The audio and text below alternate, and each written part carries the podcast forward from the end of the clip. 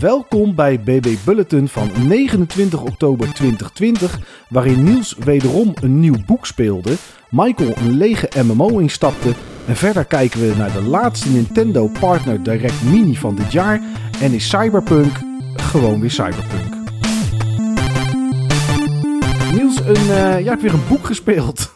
Ja, kennelijk heb jij opgezocht wat ik heb gespeeld en er stond erbij dat het een visual novel genre of iets dergelijks. Ja, dat stond er inderdaad bij. Ik weet nu al de naam niet meer. Ik weet alleen dat er iets met Go in zat of GD en dat stond voor Good nog iets of No Good. Ik weet het no nu good, al niet ja. meer. Spirit Hunter NG. Oké, ja, inderdaad. En ja, er stond bij visual novel en ik zag ook PS Vita staan. Toen dacht ik, nou, dat is echt 1 en 1 is 2. ja, nou ja, het is meer een soort ehm, Hotel Dusk qua gameplay. Dus het is visual novel met point-and-click. Ja, oké, ik wou net zeggen, dat is iets meer adventure game dus. Ja, ja, het is iets meer adventure game. Je hebt ook een inventory en zo. Maar het is eigenlijk de opvolger van een game waar ik het eerder dit jaar over heb gehad. En dat was, eh, hoe heet het trouwens ook weer? Dat Deathmark. weet ik niet. Oh ja, dat zei je vanmiddag inderdaad nog. Deathmark inderdaad, ja. Ja, En maar is het echt een vervolg of is het spirit- eh, zo'n spirituele opvolger? Wat is het? lekker. Spirituele opvolger. Spirit Oh. Hunter.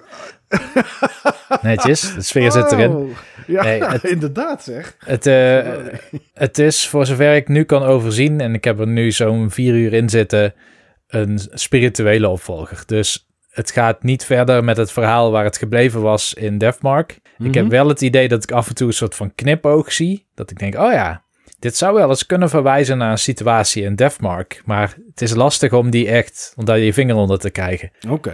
Maar de reden dat ik de- deze, deze ben gaan spelen is... Ik heb natuurlijk vorige keer het in het kader van Halloween over Luigi's Mansion gehad. Ja. Maar Luigi's Mansion, dat is zeg maar niveau Casper het Spookje als het gaat over horror. Ja, tuurlijk. Het is, het is spookachtig bedoeld, maar het is natuurlijk niet eng. Nee, verre van. Nou ja, wat heb ik dan nog meer voor opties? Het is Halloween in Animal Crossing, maar dat komt neer op pompoenen kweken... En wat spulletjes craften die de omgeving wat Halloween-themed maken. Ik heb helemaal niet meer gekeken. Speel je het nog elke dag, Niels? Ja, volgens mij wel. Oké, oh, ik weet zeker als ik weer terug die game opstart, dan krijg ik gewoon ruzie dat ik zo lang ben weg geweest, denk ik. Ja, dat was bij New Leaf in ieder geval wel. Maar volgens mij is dit spel iets coulanter daarmee. Het spel is ook anders in New Leaf. In de zin van dat hier in principe de klok bepaalt wanneer je wat gaat meemaken. En bij New Leaf had je nog wel dat je bijvoorbeeld kon grinden om extra snel een level 3 supermarkt of zo te hebben. Hmm. En hier kun je niet, heb je dat niet zelf in de hand. Tenminste, dat idee heb ik. Nee, want er is ook, er komt een pompoenenventje of zo, geloof ik. En die komt ook precies op de 30ste of de 31ste alleen maar, toch? Ja, ja. Ja, oké. dan misschien dat ik dan wel even ga kijken. Dus volgens mij zaterdag, de 31ste, ja. Maar goed, Maar goed, ja, ik, ik dacht ik wil anders. toch nog iets spelen wat een beetje meer horror-themed is dan Luigi's Mansion. Dus ik keek door mijn kast heen en in eerste instantie wilde ik Resident Evil Remake 2 gaan doen. Maar ik kom niet meer in de stad tegenwoordig met work from home. Dus ik had die ook niet liggen en ik zou die misschien digitaal kunnen kopen, maar ik koop ze dan toch vaak liever fysiek. Ja. Dus ik moest uitwijken. Nou, dan had ik nog Metro Exodus liggen. Hmm, ja, ja, ja. Dat is technisch gezien horror, maar dat lijkt me meer horror net als bijvoorbeeld Dead Space horror is. En dat is niet de, de Halloween type horror, maar dat is meer van die space horror, zeg maar. Ja, dan vind ik Dead Space vind ik nog, eh, nog meer horror dan eh, Metro Exodus, moet ik heel eerlijk zeggen. Ja. ja, toen dacht ik, wat zoek ik dan wel? En wat ik dan zoek, zijn zeg maar die griezelige verhalen. En dan Ja. zit je eigenlijk nergens beter dan bij Deathmark of bij Spirit Hunter NG. Want wat dit eigenlijk is, dit zijn, om terug te grijpen naar Deathmark, daarin had je karakters en die kregen soms spontaan een bepaald tatoeage. En dat tatoeage, dat betekende dat ze nog maar één dag te leven hadden. En de enige manier om er vanaf te komen is om de spirit te vinden die hun die tatoeage heeft gegeven. En die spirit te helpen. Want dat is dan anders misschien dan bij eh, veel horrorachtige vijanden die we in andere games tegenkomen. Hier zijn het meestal geen slechte spirits per se, maar ze zijn enorm getraumatiseerd. En de enige manier om ze te helpen is om ze te laten inzien dat die trauma een misverstand is. Hmm, oké. En Spirit Hunter NG heeft net een andere structuur. Dus je hebt Deathmark, daar had je volgens mij een chapter of zes of zo. En elk chapter had weer zijn eigen spirit. En elke intermissie, zeg maar, zat je in een soort van mansion. Een beetje net als in Resident Evil. Zo'n mansion moet je dan aan denken. Uh, en daar eigenlijk die intermissies, die verbonden al die karakters op een of andere manier aan elkaar. Maar ik heb het idee bij Spirit Hunter NG dat het meer één lijn is. Dus het is één grote arc in plaats van elke keer zo'n arc per chapter. Mm, Oké, ja, ja, ja, ik snap het. En het is allemaal iets compacter, heb ik het idee. Dus elk chapter in het vorige deel had ook eigen karakters. En het kon zijn dat je een karakter verderop weer terugzag in de game. Maar hier blijven de karakters in principe bij je. Dus er is ook veel meer ruimte om die karakters wat uit te diepen. Maar waar je nu aan moet denken is, uh, volgens mij zijn er wel weer meerdere horrorverhalen binnen een groot koepelverhaal. En het eerste verhaal waar ik mee te maken heb gehad was een um, soort horrorverhaal in een, ja, hoe moet ik het zeggen, uh, een soort Japanse shrine ja. bij een vijver. En daar is ooit een vrouw verdronken, opzettelijk, door iemand anders. En die vrouw was in verwachting van een kind. En zij bestaat nog omdat zij een trauma heeft aan elke keer als zij. Ja, zij was eigenlijk niet echt dood zeg maar, op het moment dat ze verdronk. Dat dacht de dader wel. En uh, haar bewustzijn zit nog steeds in dat moment. Dus elke keer als er iets plonst in het water, dan denkt ze dat het haar kind is. Oh, die er dan achteraan wordt gegooid. Zeg maar. Dus Ik vind dit verhaal al wel goed, moet ik heel eerlijk zeggen hoor. Dit vind ik wel interessant. Ja, ja, dat zijn deze games. Die brengen dit soort verhalen en die maken er een point-and-click adventure van. Weliswaar met best wel veel tekst en dialoog. Maar je hebt zelf sturing in die situaties, in hoe je ze oplost. Je pakt dingen op uit de omgeving die je misschien ergens anders weer gebruikt om iets te openen of ergens door te kunnen of een karakter te overtuigen om iets te gaan doen. En wat ik heel sterk vind aan deze game en ook aan die vorige is de enorme sterke setting die natuurlijk fantastisch en bovennatuurlijk is aan de ene kant, maar aan de andere kant ook heel erg gegrond voelt in iets wat voor mij in ieder geval heel erg Japans aanvoelt. En als iemand zeg maar, die daar acht jaar vaak is gekomen, Mhm. is er eigenlijk geen game die sterker die sfeer neerzet. Oké. En dan eh, de realistische sfeer. Dus een supermarkt. Maar hoe voelt dat als je s'avonds door de stad een supermarkt tegenkomt? Dat heeft dan extreem fel licht. Het spel is echt heel erg mooi getekend, maar het overdrijft heel veel contrast. En ehm, ja, het, het voelt een beetje zoals ik me daar zou voelen. Zo zal ik het maar zeggen. Oké, en als je dan het, eh, het moet afzetten tegen elkaar, percentage visual novel tegen het percentage point-and-click, waar, waar denk je dan aan, zeg maar? Eh, hoeveel gameplay zit erin en hoeveel luisteren of lezen is het? Ja, dat is best wel door elkaar verwoven. Ik denk uiteindelijk 40% gameplay, 60% klikken lezen. Oké, oh, dat valt me nog mee. En is het dan echt puzzels oplossen, Niels, zoals in eh Day of the Tentacle of eh Grim Fandango? Of is het meer wat logischer wat je moet doen? Het is niet logischer wat je moet doen. Het is misschien zelfs op een bepaalde manier nog iets onlogischer. Het voelt, nou, wat ik denk ik mensen wil vertellen die twijfelen of dat iets voor ze is. Als je Hotel Dusk hebt gespeeld, zo voelt het. Precies als die game. Het is gewoon Hotel Dusk, maar dan in een horror setting. En wat je doet is ten eerste je navigeert. Dus je loopt first person door een omgeving heen eh, met een zaklamp. En die zaklamp die verhult soms bepaalde spookachtige dingen. Je kan het ook instellen in het begin trouwens, als je het spel opstart, hoe spooky je de game wil maken. Je hebt echt scary mode en dan heb je constant jumpscares. Nou, die heb ik uitgezet. Oké, oh, dat kan je zelf voor kiezen, ja? Jumpscares uit? Ja, ja. Oh, Kijk, dan heb je echt focus gewoon op het verhaal. Die jumpscares, die zijn meestal gewoon... Die slaan nergens op, weet je wel, in de context. Dan ben je met je, met je zaklamp in een verlaten winkelstraat aan het rondschijnen... omdat je iets aan het zoeken bent. En dan in één keer dan staat er bam, een soort geest voor je... die meteen weer verdwijnt en die niks met het verhaal te maken had. Oké, ja, nee, dan zet het dan maar uit. Ja, maar wat je vervolgens doet is... eh, je hoevert met je zaklamp over dingen heen... Die, waar je interactie kan hebben. Die kun je bekijken of dan kun je eh, items uit je inventory mee combineren... of je kan ze oppakken. En die items, die kun je dus weer combineren met situaties in die omgeving. Of die heb je nodig op een gegeven moment om mensen te overtuigen. Of om bijvoorbeeld die spirits te overtuigen dat hoe zij herinneren dat iets fout ging tijdens hun sterven, Mhm. dat het eigenlijk niet zo was of dat ze het verkeerd hebben begrepen. En op dat Ja, moment is het ook een klein beetje een soort van Phoenix Wright Ace Attorney. Ja, en nou, zo klinkt het wel inderdaad. Ja, als je mensen moet overtuigen van hun ongelijk door ze aan te tonen dat ze, geen onge dat ze ongelijk hebben, bedoel ik. Ja. Dan, is dat, eh, ja, dan komt dat daar wel een beetje op neer, inderdaad. Ja, en soms moet je dat soort beslissingen onder tijdsdruk maken. Dus dan heb je vijf seconden om de juiste zin om mee te beantwoorden, bijvoorbeeld te selecteren. Of om het juiste item uit je inventory erbij te pakken. En daarvoor moet je wel heel goed opletten.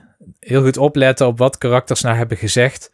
Je hebt wel een notebook, dus daarin kun je teruglezen wat karakters voorheen hebben gezegd. In ieder geval ongeveer, het staat er geparafraseerd.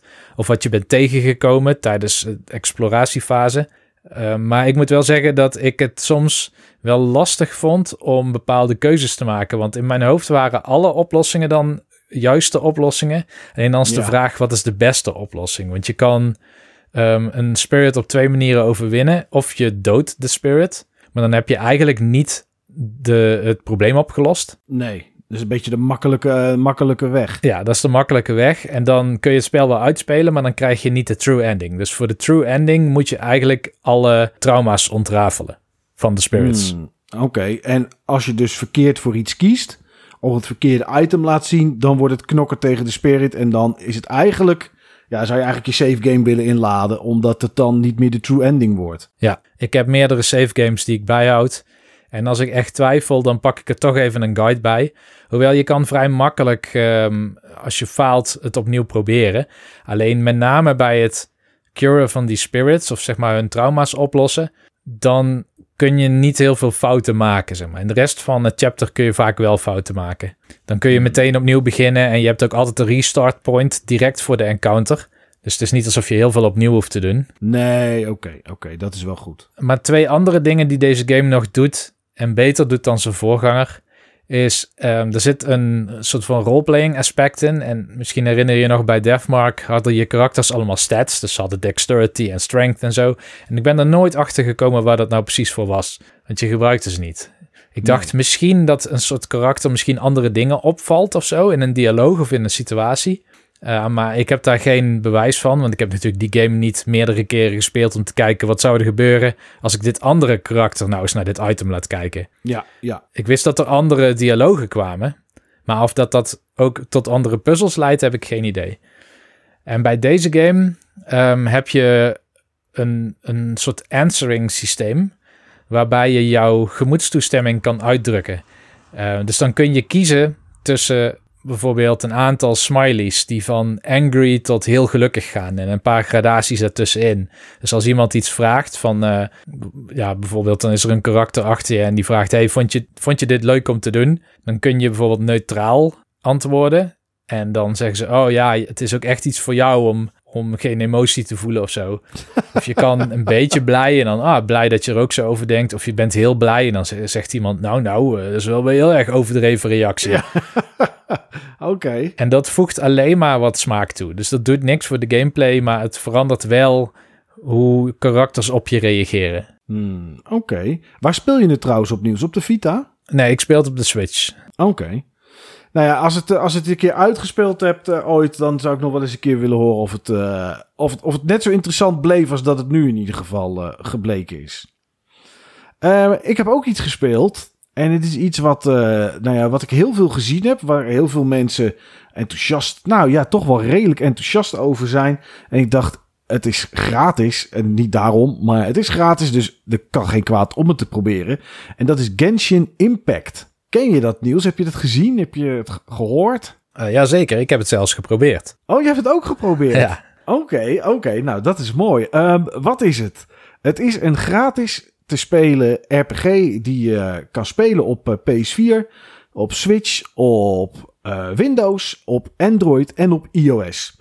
Dus het is overal eigenlijk wel zo'n beetje op, behalve... nou, nee, eigenlijk overal is het wel op inderdaad. Uh, eh, Xbox, daar is het niet op. Maar goed, het is, het is Japans, dus dat moeten we ze maar vergeven.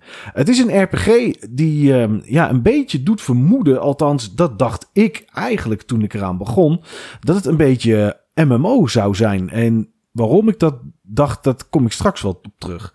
Het is dus een RPG met een verhaal, met een wereld en die singleplayer te spelen is en een klein beetje multiplayer. En het multiplayer gedeelte, dat was waar ik de mist in ging. Ik uh, zag multiplayer, ik zag dit voorbij komen. Ik uh, las dat er microtransactions in zaten.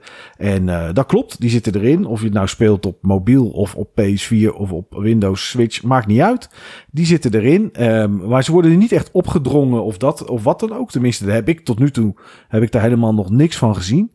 En um, ik had dus het vermoeden dat dit echt een soort ja, mobiele MMO was. Waar je andere spelers tegen zou komen en dat soort dingen. En dat heb ik misschien verbeeld. Misschien komt het door de wereld. Want nou ja, laat nu ik dat toch wereld zeg. Vind ik die tamelijk leeg. En ik had echt het gevoel, hier kunnen veel meer spelers in. Maar dat, ja, dat gebeurt niet. Ja, max drie spelers erbij, zodat je in een party van vier bent. Uh, het voordeel is dat je dat niet hoeft te doen. En dat maakt nou, dat is een van de dingen die ik leuk vind aan deze game. De game speel je als een party van vier personages. En jij bestuurt ze alle vier tegelijkertijd. Alleen je ziet er maar één. Je kan namelijk wisselen tijdens het spelen. En dat is, um, en dat is wat tot nu toe de game interessant genoeg voor mij houdt. Is het battle systeem. Elke RPG heeft een battle systeem. Daar hebben we het al 6 miljoen keer over gehad. Dus ook uh, Genshin Impact heeft een battle systeem. En dat battle systeem dat werkt door te wisselen tussen personages die allemaal een ander element kunnen beheersen.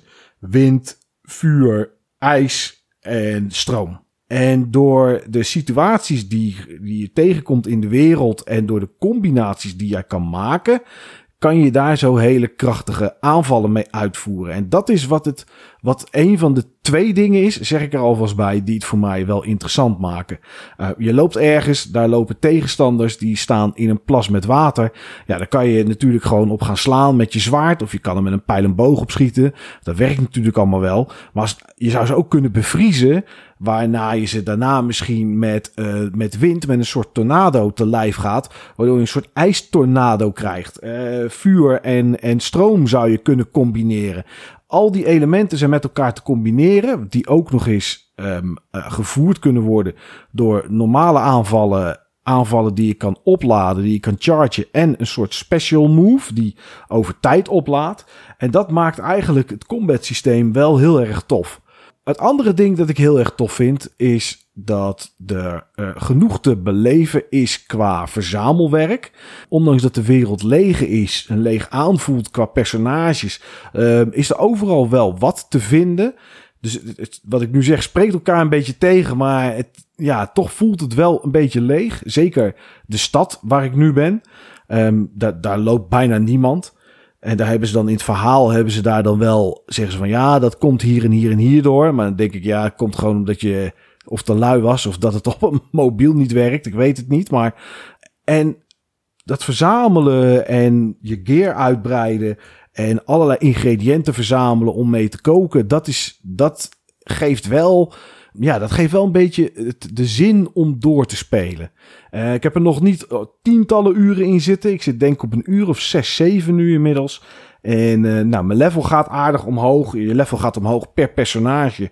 Maar je hebt ook een adventure level. Dat is zeg maar een soort overal level. Uh, daar zitten bijvoorbeeld nieuwe quests aan die je krijgt bij, bij level 10, bij level 15. Dus uh, ja, op die manier proberen ze je een beetje te stimuleren om ook een beetje te grinden tussendoor. Of wat andere objectives te doen in de wereld. Het verzamelen van, van een soort blauwe lichtballetjes die je dan bij een totempaal kan aanbieden als een soort offering, zeg maar. Waardoor je dan weer in level omhoog gaat. Je hebt kleine kampjes waar een, een, um, een schatkist staat die je nog niet kan pakken totdat je alle tegenstanders hebt omgelegd. Of totdat je alle uh, ja, het zijn een soort pilaren waar vuur uit kan komen, dat je die allemaal aangestoken hebt. En op die manier proberen ze je wel iets meer te laten doen dan alleen maar rondlopen, een dungeon in en hakken.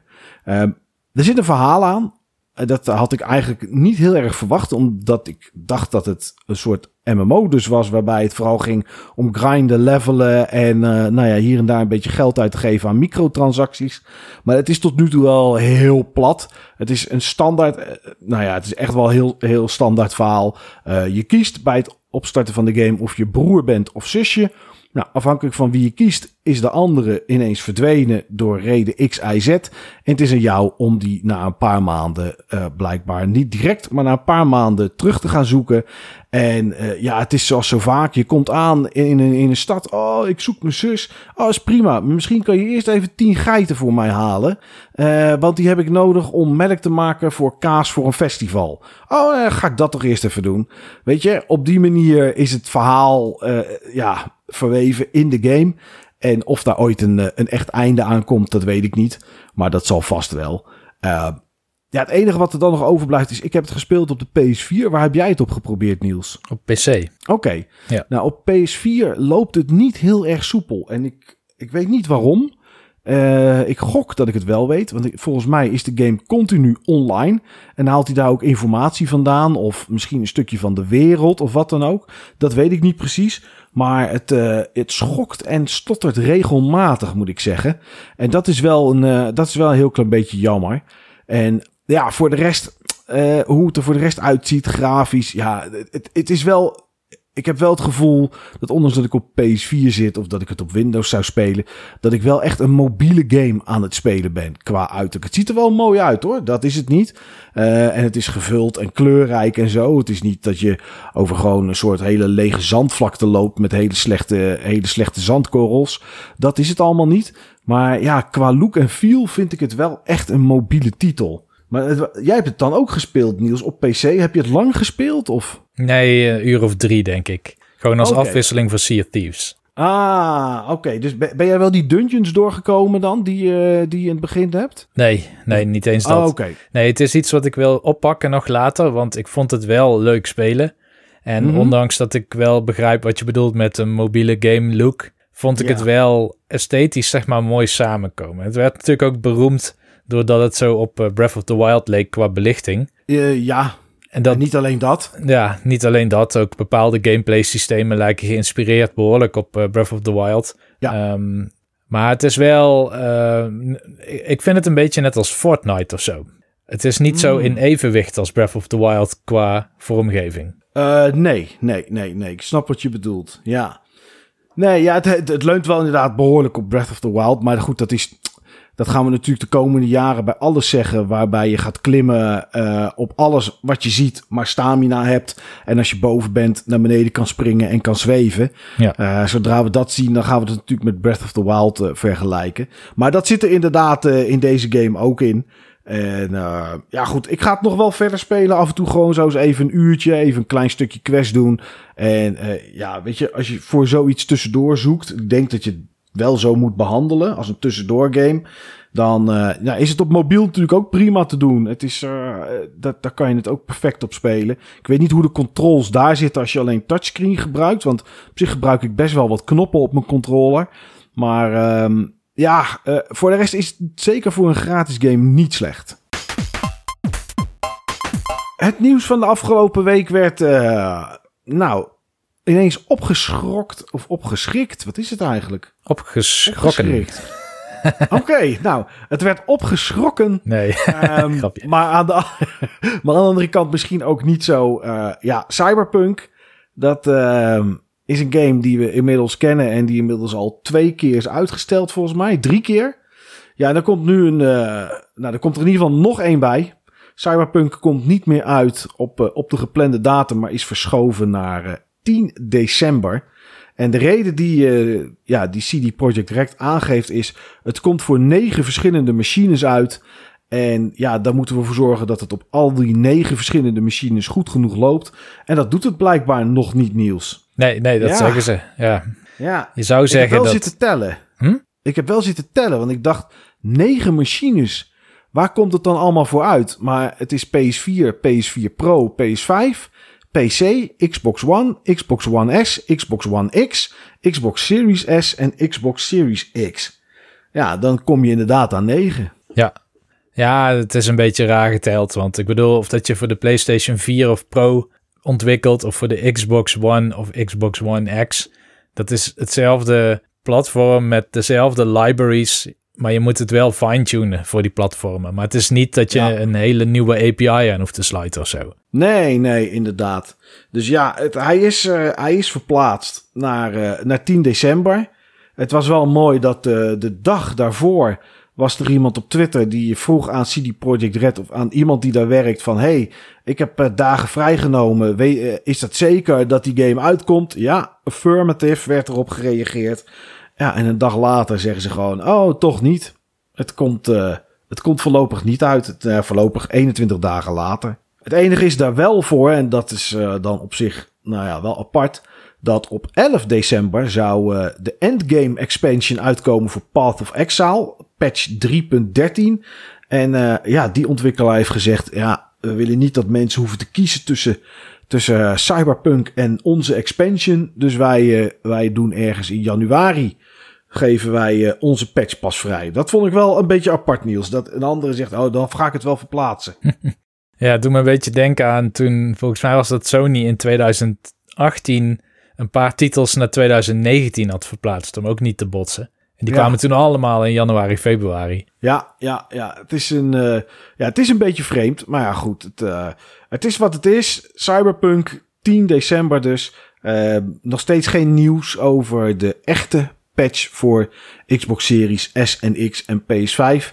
Dus ja, ik ben benieuwd hoe het loopt op die dag. Want als, als je verplaatst omdat het nog niet goed genoeg loopt, zeg maar, dat je daar nog aan moet werken, dan vraag ik me af wat je in die 21 dagen kan bereiken. Maar goed, dat, uh, ja, we zullen het zien. Ja. Uh, als je een PS5 haalt en je hebt, dus, uh, je hebt dus geen Cyberpunk, dan kan je op 8 december, en misschien uh, moet je dat ook wel doen, want misschien gaat Cyberpunk wel weer, wel weer in de uitstel, kan je Temtem spelen, Early Access op de PS5. Ja, ik heb het nog nooit gespeeld. jij ook denk ik niet, Niels? Nee, ik wist voor vandaag niet eens wat het was. ja, het is een singleplayer en multiplayer online ehm, game. En het is eigenlijk een soort uh, Pokémon clone, maar dat is er natuurlijk niet voor PC. En dat hebben ze dus ooit gemaakt. Dit is, uh, ja, dit is een, uh, een, een Pokémon clone. Nieuws vanuit het Xbox front was deze week nou niet heel erg veel. Maar goed, wat is er nog te vertellen? Behalve dan dat Phil Spencer in een interview heeft gezegd, en ik vraag me af of dit interessant wordt, dat ze misschien met een streaming stick willen komen voor de tv.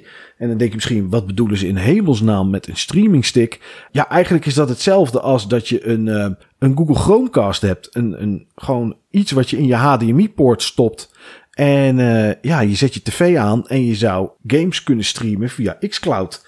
Ik weet niet, Niels, of dit iets is wat heel veel aantrekkingskracht zou hebben. Denk je dat dit interessant is voor ze om te maken? Hmm, ik weet niet of dat dat niet gewoon met een soort Chromecast zou kunnen. Met een app. Ja, in theorie natuurlijk wel. Want uh, ze gaan nu in ieder geval streamen vanaf je Xbox naar je iPhone. Gaan ze nu in ieder geval doen in de browser die op de iPhone zit. Ja. dat is natuurlijk niet de echte xCloud. Het is streamen vanaf je, eigen, vanaf je eigen Xbox. Maar ja, in principe, als het in een browser kan, waarom zou je dan nog een stick maken? Of waarom zou je het niet gewoon aan een app hangen in Chromecast inderdaad? Maar ja, goed. Uh, het, het, ik weet niet of het interessant is. Aan de ene kant zou je denken, het wordt, iedereen zegt streamen wordt op een gegeven moment wel een keer de toekomst qua games. Nou ja, goed. Het, uh, we gaan het meemaken. Het is in ieder geval interessant om, uh, om, naar, om naar te kijken wat ze ermee gaan doen. Ja, tot slot van deze uitzending, maar het is best een redelijke hap. was er de laatste Nintendo Direct Partner Mini die ineens online stond gisteren. En daar zaten best wel wat titels in. Wat zat er tussen dat voor jou interessant was, Niels? Nou, typisch gezien was de interessantste een game waar ik nog nooit van had gehoord.